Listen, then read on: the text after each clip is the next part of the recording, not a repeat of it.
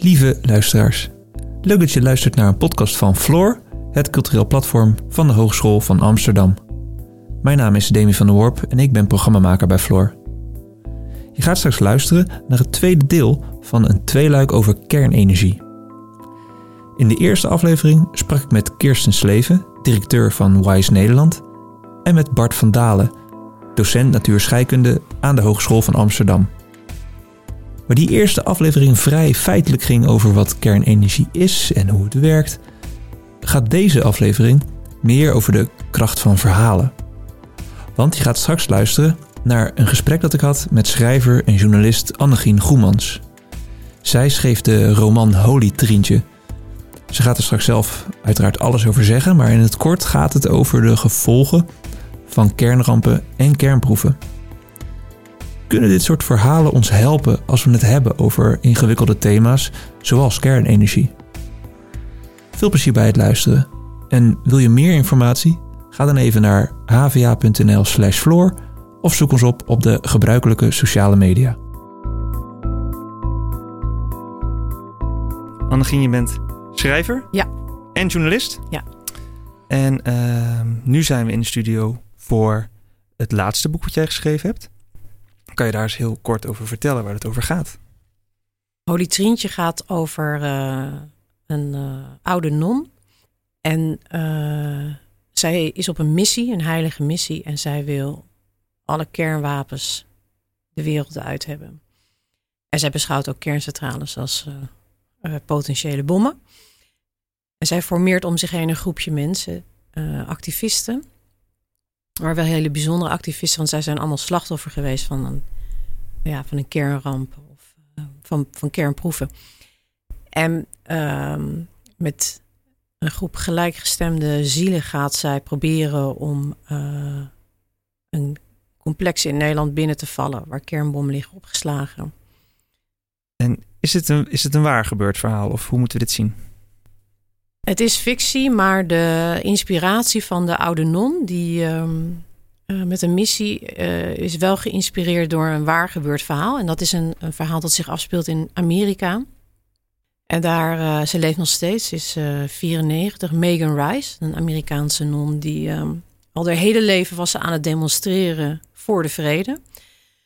En tegen kernwapens. En ehm, nou, ze werd ouder en ze vond eigenlijk dat het allemaal niet zo opschoot. Dus besloot om het heel groot aan te, eh, groots aan te pakken. En zij heeft toen eh, samen met twee oudere heren... is het allergrootste kerncomplex binnengevallen van Amerika. De Y-12-complex in Tennessee. En daar liggen tonnen aan verrijkt uranium. En dat was haar doel om daar eh, zeg maar eh, in te breken. En ehm, ze was ook bereid om ervoor te sterven, want het is een, een, een complex waar je niet binnen mag vallen, waar militairen rondlopen die je kunnen, ja, die, die, die de bevoegdheid hebben om je dood te schieten. Dus had ook afscheidsbrieven mee. En, ehm, en zij heeft dat eh, gedaan. En tot haar grote verwondering, eh, ze deed het op een nacht, zijn ze daar eh, naar dat complex, vanuit de heuvels, dat complex genaderd. En er waren allemaal hekken. En ze verwachten eigenlijk bij dat eerste hek van, nou, dat staat onder stroom. Of de, daar gaan we hartstikke dood al. Of daar worden we doodgeschoten. En er hingen camera's. Nou, daar knipten ze door, eh, dat hebben ze opengeknipt met een, eh, zo'n betonschaar.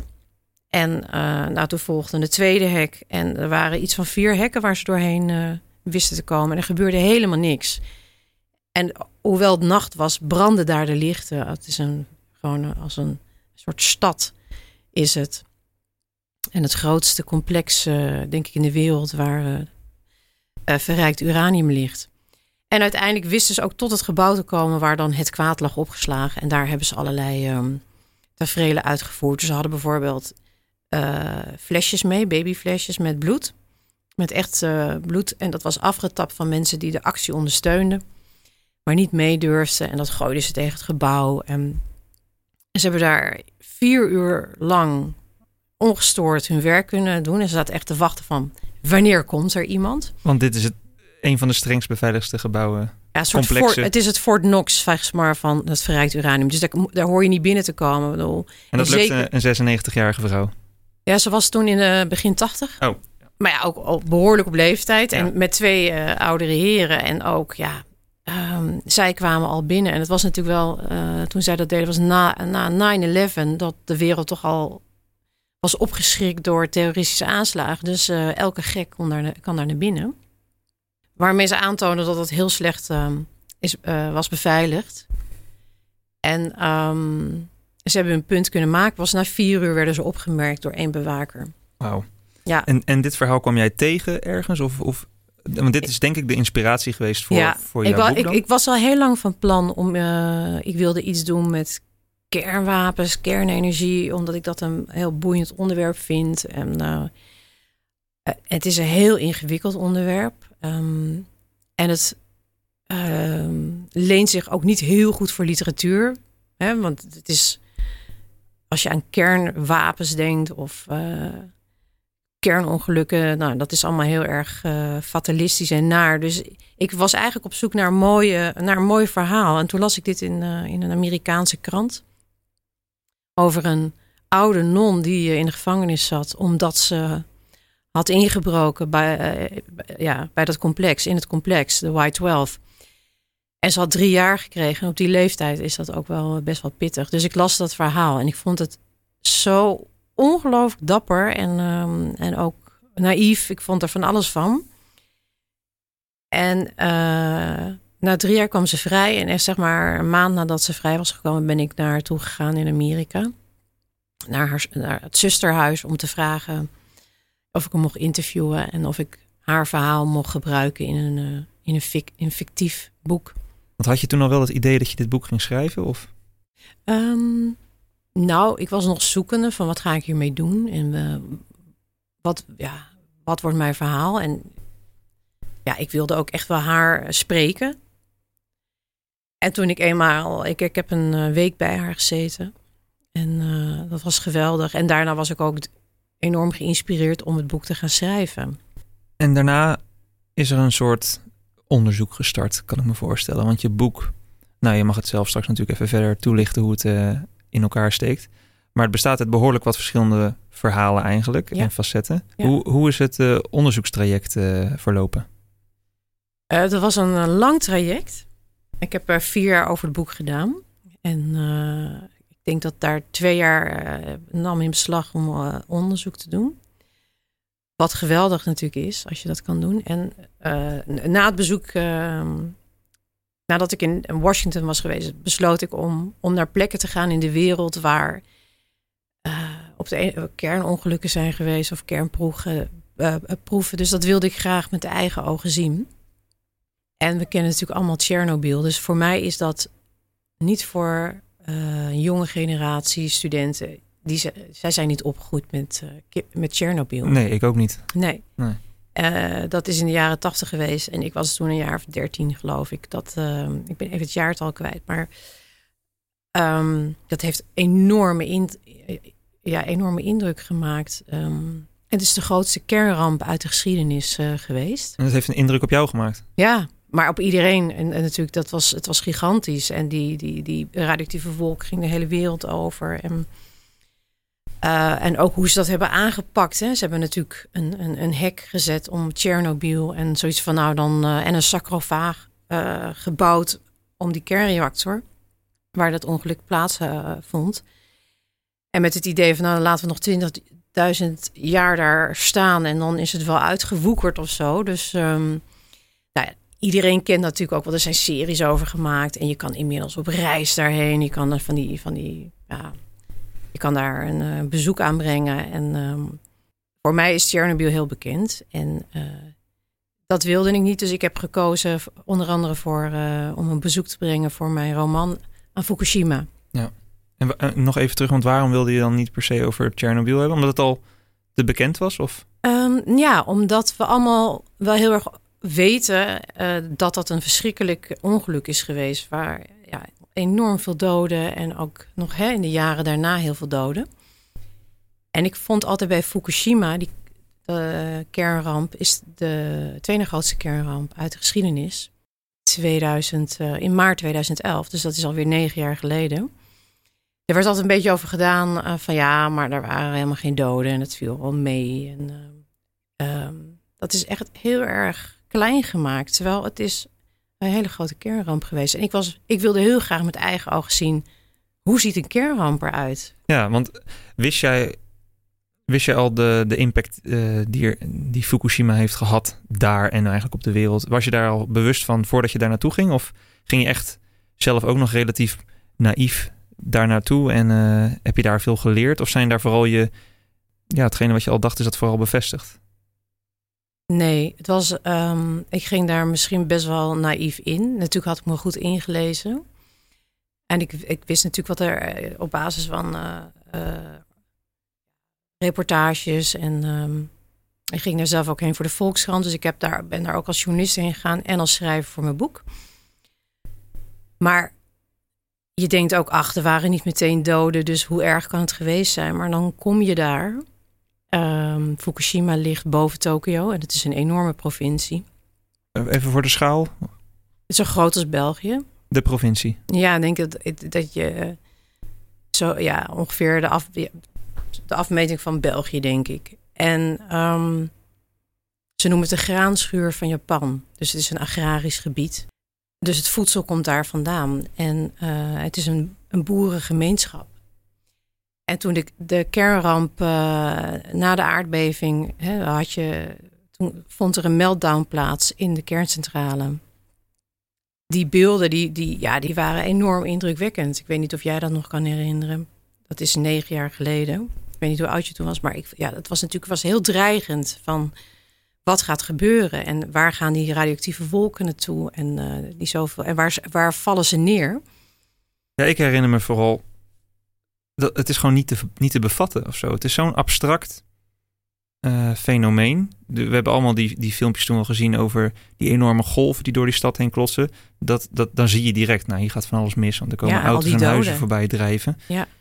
En je ziet dan een relatief kleine ontploffing ergens in, in een paar pixels zie je gebeuren Ja, in die kerncentrale. En denk ja, en dit moet dan eigenlijk vele malen erger zijn dan wat ik, wat ik hier voorbij zie drijven enzovoorts. Maar omdat het beeld soort van, ik weet niet, ik vond het moeilijk te bevatten of zo, hoe heftig het is. Ja, het is ook heel moeilijk te bevatten, want je ziet de radioactiviteit niet. Dus het, ik, ik had een Geiger-teller bij me om te meten van hoe hoog eh, is de radioactiviteit.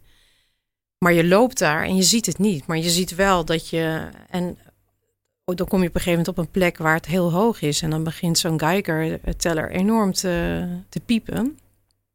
En dan denk je, oké, waar, van waar komt, het, eh, waar komt het gevaar vandaan? Eh, dat maakt het heel dat je het niet ziet. En je, mm, het is een um, hele mooie. Fukushima is heel groen en bergachtig. Ik vond het een beetje op de Ardennen lijken. Maar je wantrouwt de natuur, want de straling is heel hoog. En overal in de, langs de kant van de weg hangen borden en waar ze eh, de hoogte van het aantal gemeten sieverts aangeven. Dus je ziet hoe hoog de radioactiviteit is als een soort waarschuwingsborden. En hoe dichter je bij de kerncentrale komt, hoe hoger uh, de straling. Maar dan nog steeds, je, wil, je wordt niet op slag ziek. Je merkt helemaal niks. Dus dat, is, dat maakt dan het heel, vond ik, beangstigend. En ook um, na de kernramp is, die hele, is een heel groot deel van die provincie... zijn honderdduizenden mensen geëvacueerd. Die konden daar natuurlijk niet meer leven. En die zaten allemaal in kleine huisjes uh, in andere provincies. Maar nog steeds zijn er iets van 40, 50.000 mensen geëvacueerd. Die zitten nog steeds in tijdelijke opvang. En het is een. Het is helemaal. Ja, het is leeg. Uh, de, de overheid die zegt: het is schoon, we hebben het schoongemaakt en je kan weer terug. Maar 10% gaat misschien maar terug. Want het wantrouwen is enorm. Ja, dat kan me wel voorstellen als je net aangaf van de natuur is niet te vertrouwen. Nee. Zo ongrijpbaar. Nee. Je hebt, je hebt daar mensen gesproken, denk ik, geïnterviewd. Ja. Zowel voor uh, uh, het stuk in de Volkskrant. Uh, als voor mijn als roman. Voor, als ja. voor je boek. Ja. Wat gaven mensen eraan? Wat waren hun verhalen? Ik heb mensen gesproken die gevlucht waren, die niet terug willen. En die ook de regering niet meer vertrouwen. Die zeggen van ja, ze zeggen dat het schoon is, maar hoe, hoezo? De straling is nog steeds hoog. Um, het zit in de grond. En als we onze groenten en fruit verbouwen, dan krijgen we naar binnen en je, je bouwt straling op. Dus pas na een aantal jaren zie je uh, leukemie of uh, schildklierkanker. Dus het wantrouwen is heel diep. Ja, 10% eh, keer terug. Die uh, dacht van nou, het is schoongemaakt. En ik ben bij families geweest die zeiden van nee, het, het, is oké. En die hadden weer een groentetuin en die woonden in spookstadjes. Want ja, merendeel staat leeg. Maar die willen toch hun leven daar weer opbouwen. Ze zijn natuurlijk, door zo'n kernramp is alles. Het heeft een enorme impact gehad op, op uh, het sociale leven van mensen. Ze moesten vluchten, ze raakten hun baan kwijt. Families vielen uit elkaar. Vaak wonen families uh, drie generaties bij elkaar. Dat kon niet meer, dus die zijn allemaal uh, uit elkaar. ja, het is verscheurd. Je hebt daar heel veel echtscheidingen. Het aantal zelfmoorden is heel hoog. Dus de gevolgen van die nucleaire ramp zijn enorm groot en langdurig. En dat had ik mij nooit gerealiseerd ja, ook het wantrouwen. Als je daar rondrijdt, dan liggen overal in het landschap miljoenen zakken met, met radioactieve aarde, waarvan ze niet weten wat ze ermee aan moeten. En dat ligt daar maar. En dat zijn, dat zijn eh, grote vuilniszakken gevuld met... Ja, het lijkt op landbouwzakken. Zo, uh, van die, hè, die als je langs uh, de weilanden waar gras in zit... of uh, daar, van die grote rollen, van die zwarte... en daar hebben ze de aarde in gestopt. Want de regering besloot uh, na de kernramp om Fukushima schoon te maken. Dus ze hebben een gigantisch gebied graven ze af. 10 centimeter van de bovenlaag graven ze af. En dat, daar, waar laat je dat? Dus dat stoppen ze in die zakken. En dat zijn een soort piramides in het landschap. Totaal onnatuurlijk. Echt. Als je ook het opzoekt op YouTube en je ziet filmpjes ervan, dan denk je echt, wat is dit gestoord? Kijk, in Tsjernobyl zeiden ze, we zetten er een hek omheen. We sluiten het, hier komen we niet meer. Maar Japan die heeft gewoon echt gedacht van maak het schoon. Hup, de hele bovenlaag. Dus je hebt honderdduizenden werkmannen die ook voor gevaar uh, voor eigen leven daar staan te werken. En uh, ze hebben ook de huizen schoongemaakt, gewoon met schuursponsjes en sop. En dan van, uh, nou, centimeter voor centimeter. En dan op een gegeven moment wordt er een stadje wordt vrijgegeven van het is schoon. Terwijl na elke regenbuig stroomt radioactief water uit de bergen terug in de vallei, in die steden. Dus je kan het nooit wegkrijgen. Je kan de bergen niet schoonmaken. En ben jij in een van die steden geweest? Ja, ik ben uh, in verschillende stadjes geweest. En dan is dat echt ook zoals je in films zo verlaten stadje. Het was heel raar, want de stoplichten deden nog wel. En waar iedereen, uh, ja, is, is een soort, je ziet de paniek, want alles ligt daar nog. Je ziet uh, bij wijze van spreken in een verlaten bar nog de drankjes op de bar staan. Iedereen is gevlucht. Maar dat is al zo'n schoongemaakte stad in dit geval? Nee, dit was nog niet schoongemaakt. Want ben je dan in een, in een dorpje of stad geweest die schoongemaakt en Ja. zogenaamd vrijgegeven Ja, is, ja. waar weer mensen wonen? Ja, maar dat zijn nog steeds spooksteden, want er woont ja, 10%. En ik neem aan dat je daar ook je, je, je Geiger-teller mee had. Ja, dat was ook da- eh, verontrustend hoog. Zeker op lage punten, waar het water bij putten en waar, eh, waar eh, grondwater stroomt. Ja, ik zou daar nooit met mijn kinderen gaan wonen. Ik bedoel, eh, en mensen die ik sprak, die kinderen hadden, die zeiden: ja, we laten onze kinderen elk jaar testen op schildklierkanker. En tot nu toe gaat het allemaal goed. Maar dat idee al, dat je dat moet doen. En, ehm, en dat je dat op kan bouwen. En het aantal slag of ja, aantal mensen of kinderen met eh, schildklierkanker is enorm toegenomen. Maar alles wordt in Japan weggemasseerd in de statistieken. Dus je weet nooit het eerlijke verhaal, het echte verhaal. En die, toename, die masseren ze weg. En ehm, ze zijn er totaal op gericht om iedereen daar terug te krijgen. Maar er zit een diep wantrouwen. Dus als je in Tokio woont en je ziet dat eh rijst, dat staat erop uit Fukushima komt, dan wordt dat gewantrouwd. Niemand koopt dat meer. En ook als mensen met een nummer plaatsen dat ze zien dat ze uit Fukushima komen, dan parkeren ze niet naast eh, de mensen uit, uit Fukushima. Dus je zou denken, zeker bij Japan met zo'n verleden met eh, Hiroshima en Nagasaki, de eerste bommen, kernbommen, atoombommen. eh, dat ze meer compassie hebben met slachtoffers. Omdat zij natuurlijk al slachtoffers kennen en weten wat dat doet. Maar ja, zij worden heel erg gediscrimineerd. Ja. Trouw niet met een meisje uit Fukushima. Ik krijg geen kinderen met haar. ehm, En dat is op tot, tot op de dag van vandaag. Ja, ja, ja, ja, dat is gigantisch. Ja. Ja.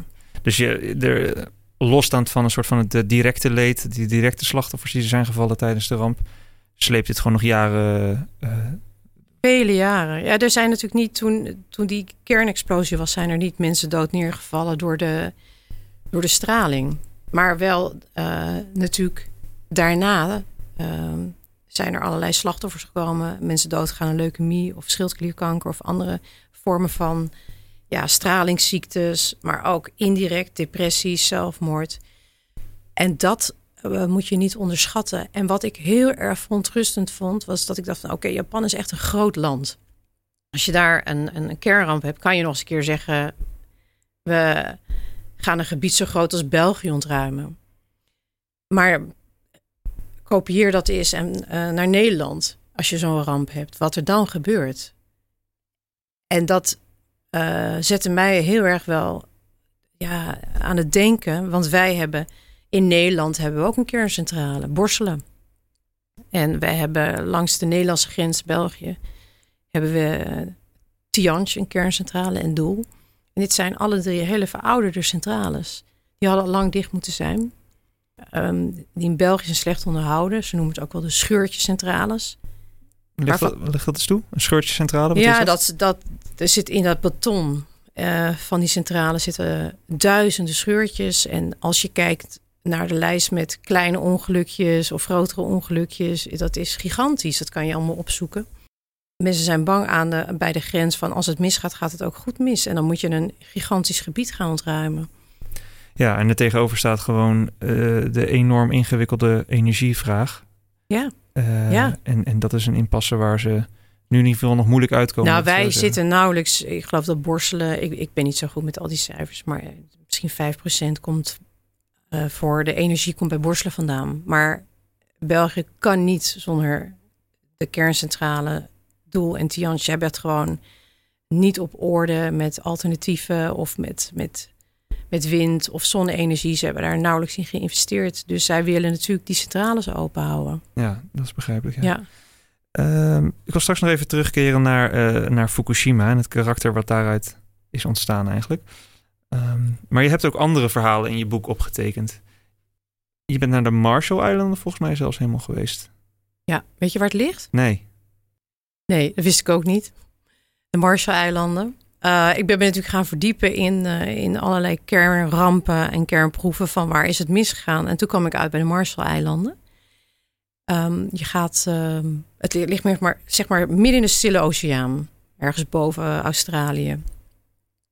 En het is echt aan de rand van de wereld. Het is zo afgelegen. eh, afgelegen. En ik ben daar in 2017 geweest. En ik heb nog nooit. Het is ook verder kan je niet. Het is ongelooflijk. Ik ben naar Honolulu gevlogen en daar nog een vliegtuig eh, genomen naar de Marshall-eilanden. En dat duurde nog zes uur. En dan zie je alleen maar zee, de Stille Oceaan. En opeens na zes uur zag ik een streepje land. En dat, dat waren de Marshall-eilanden. Daar eh, gingen we landen. Het is een gigantisch gebied. Het is een zelfstandig land. En het is een eilandenrijk. eh, met prachtige van die atollen. En de Amerikanen hebben de Marshall-eilanden in de jaren 50 uitgekozen als testgebied. En want de, mm, ja, ze waren bezig hè, om hun atoomprogramma te verbeteren. En de bommen op Hiroshima en Nagasaki, eh, eh, ja, die konden toch beter. Dat waren een soort probeersels. Dus ze wilden ja, kernwapens of, of hun, eh, dat verbeteren. En toen hebben ze aan de Marshall-eilanden gevraagd: mogen we het gebied gebruiken als testgebied? En ze hadden natuurlijk geen idee waarop ze ja zeiden. Aan wie vraag je ook zoiets? Ja, aan de regering. Ja, En een regering van een paar atollen, ja. of eh, eh, een paar eilandjes. geen die- idee. Dat hele woord atoom kenden ze niet. Of, ehm, En waarom... eh, en daar stemden ze mee in? ja, ze hebben de- daarmee ingestemd. En zij hebben in de jaren. Ze hebben in totaal een kleine 80 kernproeven gehouden. En dat is met een enorme kracht geweest. Dus, en de mensen die daar wonen, dat is, waarmee je het kan vergelijken, is alsof ze twaalf jaar lang elke dag een eh, Hiroshima-bom op zich kregen. En het gaat natuurlijk om hele dun bevolkte gebieden. Dus op die eilandjes wonen ja, 100 mensen en op een ander eilandje 50 en de volgende Maar dat heeft natuurlijk een enorme impact gehad op die bevolking. En dat is voornamelijk geweest bij het, dat, dat kennen misschien sommige mensen wel, het Bikini-atol. Daar zijn de proeven gehouden. Ja, En die bevolking is daar blootgesteld aan een enorme enorme straling. ja. En ehm, wonen daar nog steeds mensen? Nee, daar kan je nog steeds niet wonen. Dus de straling is te hoog. En dan zijn we dus 70 jaar verder. Ehm, het gaat natuurlijk in de grond zitten en in de planten en, en daar eet je van. Dus ehm, die mensen die wachten nog steeds, die van die eilanden komen. Toen ze de testen gingen doen, hebben ze de bevolking weggehaald. Op dat bikini-atol.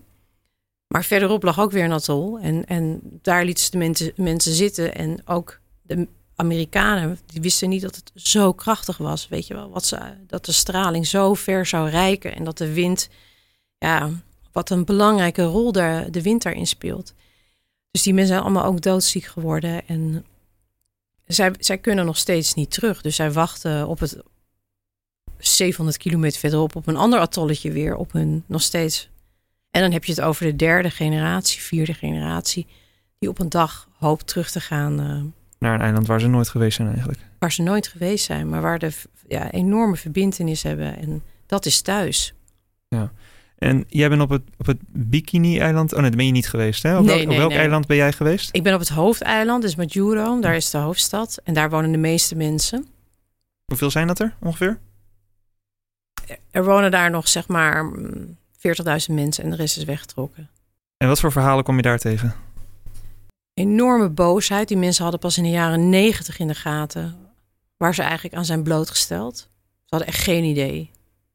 Echt totaal geen idee. En eh, ze snapten ook niet waarom ze massaal ziek werden en waarom ze allemaal door die straling, dat tast natuurlijk ook je DNA aan. Dus je krijgt heel veel miskramen. En je had daar ehm, veel vrouwen kregen jellyfish baby's. Dat zijn eh, baby's die zien eruit als een kwal. Die hebben geen bottenstructuur en geen ogen, geen oren. Dus dat is een soort. Ja, ziet er, ja, jellyfish. En zij hadden geen idee waarom eh, jonge mensen doodgingen, waarom er zoveel mutaties waren. En pas in de jaren negentig werd het ze duidelijk wat die straling met ze heeft gedaan. Dus daar is heel veel boosheid. En ze, en ze krijgen ook uitkeringen wel vanuit een soort vergoedingen vanuit Amerika. Maar daarmee is het natuurlijk. Ja, het leed is geleden. En het, het, het, het is gewoon een land dat al helemaal kapot is. En, en nog steeds had je daar kinderen die last hadden van mutaties. En dan geen, geen jellyfish baby's, maar je had bijvoorbeeld dat jaar tien baby's zonder ogen. Dus het blijft. En je had kinderen met een verlengd staartbeen. Dus. eh, hun stuitje groeit door, dus een soort staartje. Ik had echt nog nooit van de Marshall-eilanden gehoord. Laat staan van dit leed. En ehm, ik vond het ook heel schokkend dat ik dacht van jeetje, dat je ja, dat, een land, een, een volk dat kan aandoen, zo stiekem in een hoekje. Ja, Ja. maar ook, eh, je gaf net aan dat ze zelf ook gewoon niet eens wisten wat ze aan het doen waren. Nee, nee, ze wisten helemaal niet de kracht ervan. Op een gegeven moment natuurlijk wel. En het is des te kwalijker dat ze door zijn gegaan. En dat er daarna nog veel meer kernproeven zijn gehouden. Ook door andere landen. Hè. De Fransen hebben het, of de, de Russen, of noem maar op. Maar ik heb de Marshall-eilanden Marshall uitgekozen. Uiteindelijk heb je daar ook één karakter. eh, eh, is daaruit uit ontstaan voor je boek? Ja, Bonnie, Bonnie. een jong meisje. En ehm, in Japan is eh, Yoshida. Ja. Dat is volgens mij ook een, een, echt, een echt persoon die je hebt gesproken daar, toch? Ja, ja, Yoshida. Ik, ik ben daar. eh, ja, Yoshida in mijn boek. Daar ben ik ook wel. eh, ik kwam op een gegeven moment in Japan een jongen tegen. Die gaf een, rond, een rondleiding of een jongeman door zijn stad. En dat was een spookstad.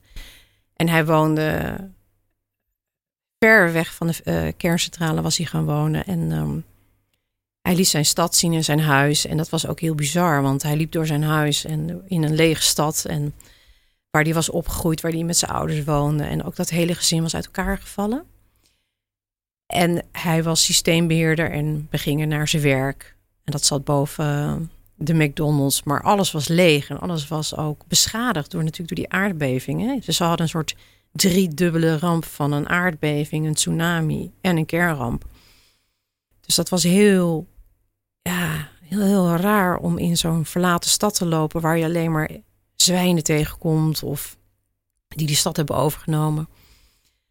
Ja, dieren uit het woud. En, ehm, en hij vertelde ook dat hij daarna heel depressief was geworden en een zelfmoordpoging had ondernomen. En uiteindelijk ehm, had hij zichzelf er weer uitgetrokken en was hij een biologische boer geworden. Dus van systeembeheerder naar uh, ja, biologisch verbouwen en ook zeer bewust van de gevaren. Dus alles was, ja, dat heeft natuurlijk heel veel mensen in Japan bewust gemaakt om anders uh, om te gaan met, met hun omgeving.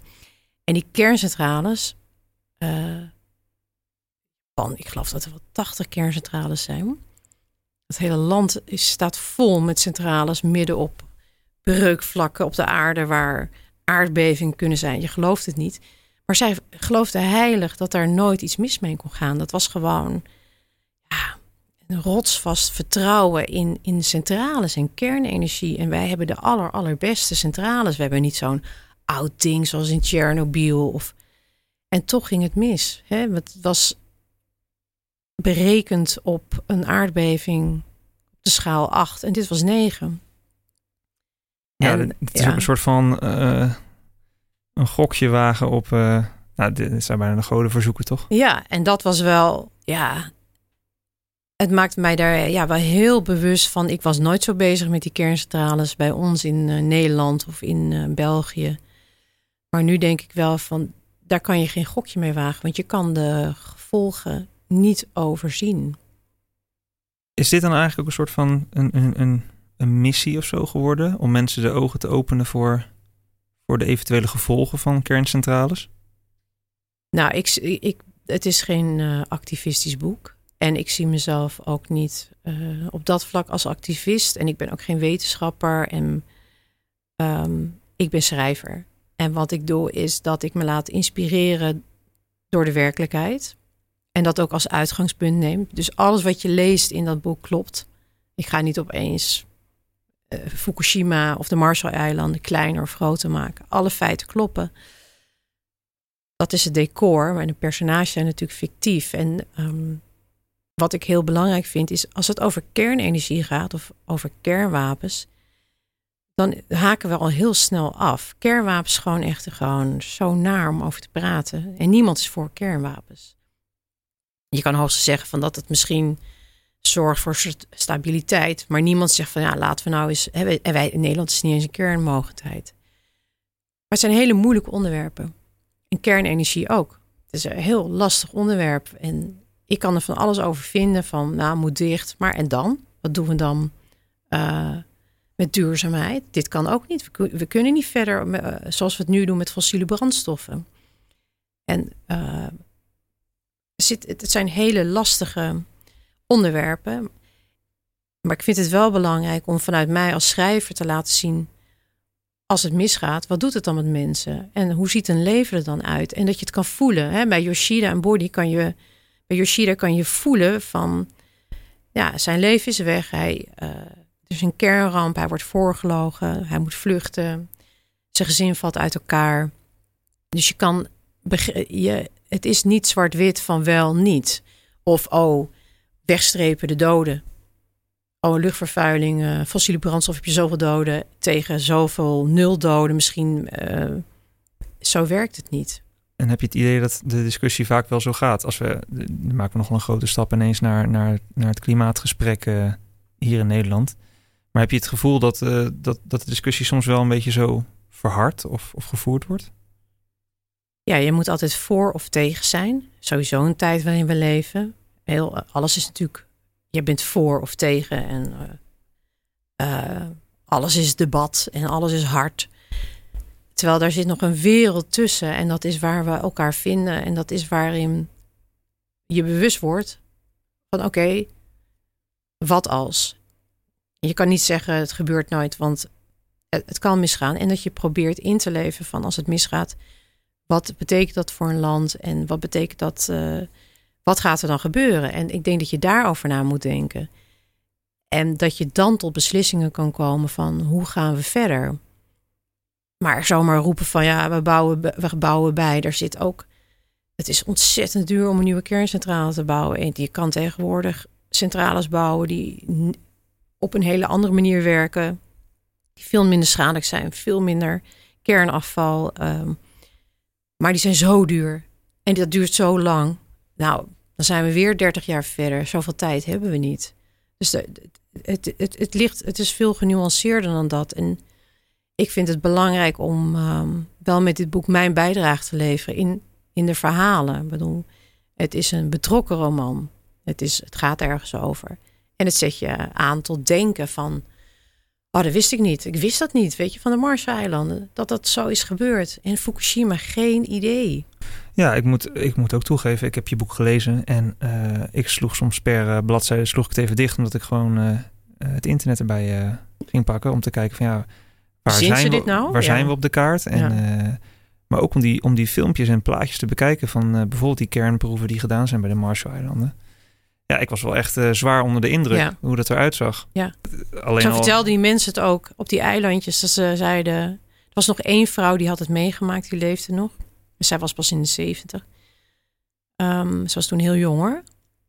En, en ze zei, ik, ja, wij dachten dat die, dat die dag de zon voor de tweede keer opkwam. De zon was al opgegaan en opeens was het weer en daarna nou, toen kwam er, toen ging het waaien en toen ging het sneeuwen. En we dachten van, oh, sneeuw, dit, dit is sneeuw. Dat hadden ze natuurlijk nog nooit gezien op zo'n exotisch eiland. Toen gingen ze spelen in de sneeuw en ze gingen zich insmeren. En, maar dat was natuurlijk gewoon uh, de outfall van de bom. Wat alles, wat ver, verbrandt natuurlijk en, uh, en, en wat weer terugkomt. En dat, wat als een soort grijze sneeuw terugvalt en een paar uur later viel hun haar uit en waren ze verbrand en waren ze doodziek. Ja, dus dat is. Um, en begreep je dat natuurlijk niet. Um, ja, maar het, om dat soort plekken, verhalen, ik vond het heel belangrijk om dat te laten zien. Omdat je dan ook.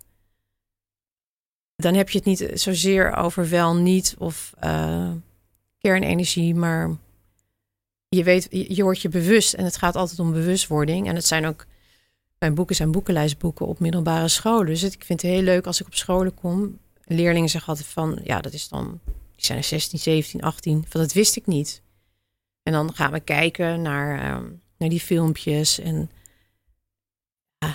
dat, dat maakt ze veel alerter om over na te denken van, hè, het is jouw wereld. En hoe gaan we dat inrichten? En wat uh, leerlingen ook vaak verbaast en waar ze echt ook wel een soort boos om zijn, is dat wij op vliegbasis Volkel kernbommen hebben opgeslagen, atoombommen uh, van de Amerikanen. Weet je, die hebben we daar ter bewaring voor als het misgaat als bondgenoot. Terwijl wij mogen ze niet hebben, maar we bieden wel ons grondgebied aan. Hoe zit dat dan? Amerika heeft gebruikt Nederland om ja. een wapenarsenaal ja, te stallen. Ja, voor welk geval? Voor het geval van oorlog met Rusland, dan heb je korte, je hebt langafstandsraketten en ook korte afstand. En daar liggen gewoon een stuk of twintig atoombommen opgeslagen. Ja. En dat, dat leek ons wel een. Uh... Wij zitten natuurlijk in uh, zo'n uh, NAVO, NATO-verband. Help me even. Dus ook Duitsland heeft dat en België en Italië. Dus al die uh, bondgenoten hebben daar, hebben wij, wij bewaren dat voor de Amerikanen. En die liggen in Brabant. Wat ik heel verontrustend vind. En helemaal als je nu kijkt, je gaat er altijd maar uit dat je een normale leider hebt. En, uh, maar ja, je, kijkt naar Trump en dan weet je ook niet uh, wat hij gaat doen. En hij heeft wel beschikking tot de, tot de knoppen. Het is gewoon, ja, dat, ik vind dat verontrustend. Ja. En je kiest er dan uiteindelijk voor om, een, uh, om het te verwerken in een roman. Maar je schrijft ook, uh, je bent journalist, dus je schrijft ook voor kranten en nieuwsbladen. Wa waarom, uh, waarom dan een, een, een, roman? Nou, ik, ik ga naar die plekken, naar dat, voor mijn roman. En dat zijn hele dure reizen. Want als je naar Japan gaat en je gaat door radioactief gebied, heb je een, je hebt een chauffeur nodig, je hebt je hebt een tolk nodig. Ja, dat, dat, dat is gigantisch duur. Ook, zo, ook de Marshall-eilanden, als ik daar een maand verblijf, dat zijn hele dure reizen. En met boeken schrijven word je niet echt rijk. Dus ehm, die reizen uh, voor organiseer ik zo dat ik eh, voor de kranten schrijf, want dat levert me ook geld op. Dus dan kan ik die reis mee betalen. Ik ben ook journalist, dus ik vind het ook heel fijn om met een soort twee petten op te lopen. Dat je aan de ene kant als, als schrijver mag je met je eh, omgeving aan de haal gaan. En als journalist word je gedwongen om je feiten op een rij te hebben. Dus ik, je moet heel goed research doen, je moet alles weten. En dan maak ik daar verhalen over. Maar uiteindelijk laat ik het helemaal los ehm, voor mijn boek. Ben je dan eerder schrijver dan journalist? Kun je dat zo zeggen? Nou, ik weet het niet. Ik gebruik journalistieke methoden voor, voor mijn boek. Ik vind het belangrijk. Uh, ik, ik, begeef me op de grens van fictie, non-fictie. En het is heel fijn dat ik goed weet als journalist hoe ik de feiten op een rij krijg voor zo'n verhaal. En het is ook heel fijn om het los te laten en om je eigen mensen, je eigen karakters te bedenken, je eigen verhaallijn. En om het iets mooier misschien uh, te verpakken. Anders is het, zijn het ook hele nare verhalen. Zo'n verhaal over Fukushima voor de krant is een naar verhaal. Maar in een roman mag je een liefdesgeschiedenis erin kwijt. En dan kan het, is het een achtergrond. Dus het gaat niet alleen over die ramp. Het gaat vooral over mensen zoals jij en ik. Die proberen om er het beste van te maken. En uh, als zo'n ramp heeft plaatsgevonden, van wat is dan je veerkracht? Hoe ga je verder? Als je alles bent kwijtgeraakt, maakt niet uit op de Marshall-eilanden of, je, of in, in Tsjernobyl. Hoe ga je verder als je alles kwijtraakt? En dat is natuurlijk ook wel, dat vind ik ook mooie thema's, omdat dat iets is wat we vroeg of laat raken allemaal iets kwijt. En um, dus het gaat, het gaat heel erg daarover. En ook over mensen en over liefde. En, um, en dat kan je heel mooi kwijt in een roman. Dus een, zeg maar, een, je kan het als een soort mooie bonbon verpakken. Ja, en dat is gelukt. Het, het is een flinke bonbon ook geworden. Ja, ja. Uh, ruim 400 pagina's, als ik me niet vergis. Ja. Ze staan op de, op de boekenlijst, gaf je aan, van middelbare scholen. Ja. Uh, dat is al langer. Je vorige boeken stonden, stonden daar ook al op, of ja. staan daarop. Ja. Schrijf je dan ook zo'n boek als dit uh, een beetje met dat publiek in gedachten? Of hoe werkt zoiets? Dat het, moet het toegankelijk zijn voor een jong publiek? Ik denk nooit aan mijn lezer of aan publiek, want dan, of aan een recensent, want dan verkramp je. Als je iets voor school of weet je, voor je opleiding doet en je denkt wel aan het oordeel van je docent, dan ben je niet vrij om, om te maken wat je wil, want dan doe je. Dus dat, dat doe ik niet. Maar het gaat bijna automatisch. Ik hou van mijn, mijn stijl, mijn schrijfstijl is toegankelijk, het is niet moeilijk. En ik vind jonge mensen, ik vind het wel een hele leuke doelgroep. Dus ik vind het heel leuk om uh, op scholen te komen. En, dus ik hou zeker wel, het, het zit er gewoon in. Ik hou er denk ik gewoon automatisch al rekening mee van dat jonge, ook jonge mensen het fijn vinden om te lezen. Ja, ja het is gewoon je stijl. Ja, ja. ja. ja. Het, oog, uh, het opent ogen in ieder geval, je boek. Het heeft in ieder geval bij mij gedaan. Als in voor nou ja, de Marshall-eilanden. Ik, ik, nou, ik had er wel een keer van gehoord, maar waar ze lagen, wat er allemaal gebeurd was in de jaren 50. Ik had geen idee. En bij Fukushima, op wat voor manier heeft dat. Wat heeft dat met jou. Hoe heeft het bij jou je ogen geopend? Ja, ik was toen, dat is 2011, nou dan was ik uh, 21. Uh, dus ja, dan heb je wel een leeftijd waarin je al dingen onthoudt, laat ik het zo zeggen.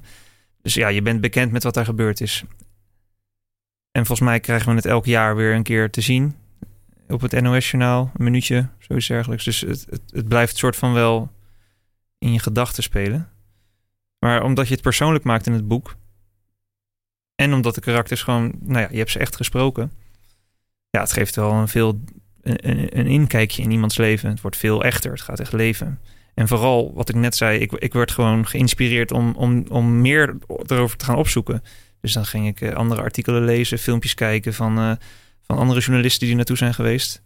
Ja, ja. een plaatje. Je wilde de plaatjes erbij. Ja, op een of andere gekke manier uh, ja. wil je dat. Ja, en dat het zo lang dat radioactiviteit gewoon 24.000 jaar actief blijft. Hè? Ja, nou ja, sterk. Ik zat, ik zat laatst dus ook nog mede hierdoor een documentaire te kijken. Uh, Into Eternity. En dat gaat over een, eh, over een opslag in Finland, als ik het goed heb, waar ze radioactief afval gaan opslaan. En dat moet daar voor 100.000 jaar blijven liggen. Dat moet daar afgesloten worden.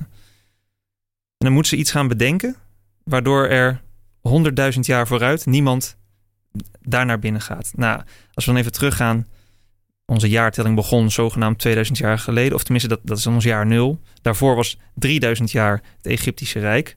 Nou, zeg 5000 jaar.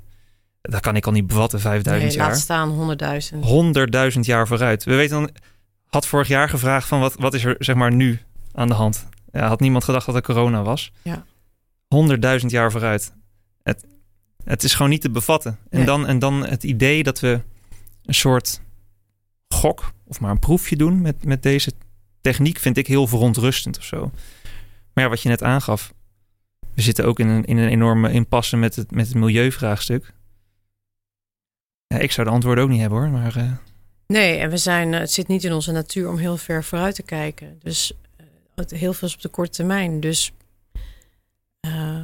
maken we ons minder zorgen om, om kernafval. Van ja, wie dan leeft hè, over 20.000 jaar. Terwijl je laat nogal wat na, weet je wel. Ik kan dat wel. Er zijn Ja. natuurlijk ook allerlei, er zijn allerlei ethische dilemma's. Dus dat, dat maakt het best wel ingewikkeld van hoe ga je ermee om. En ja, uiteindelijk is denk ik de, de oplossing is dat we met elkaar echt minder consumeren.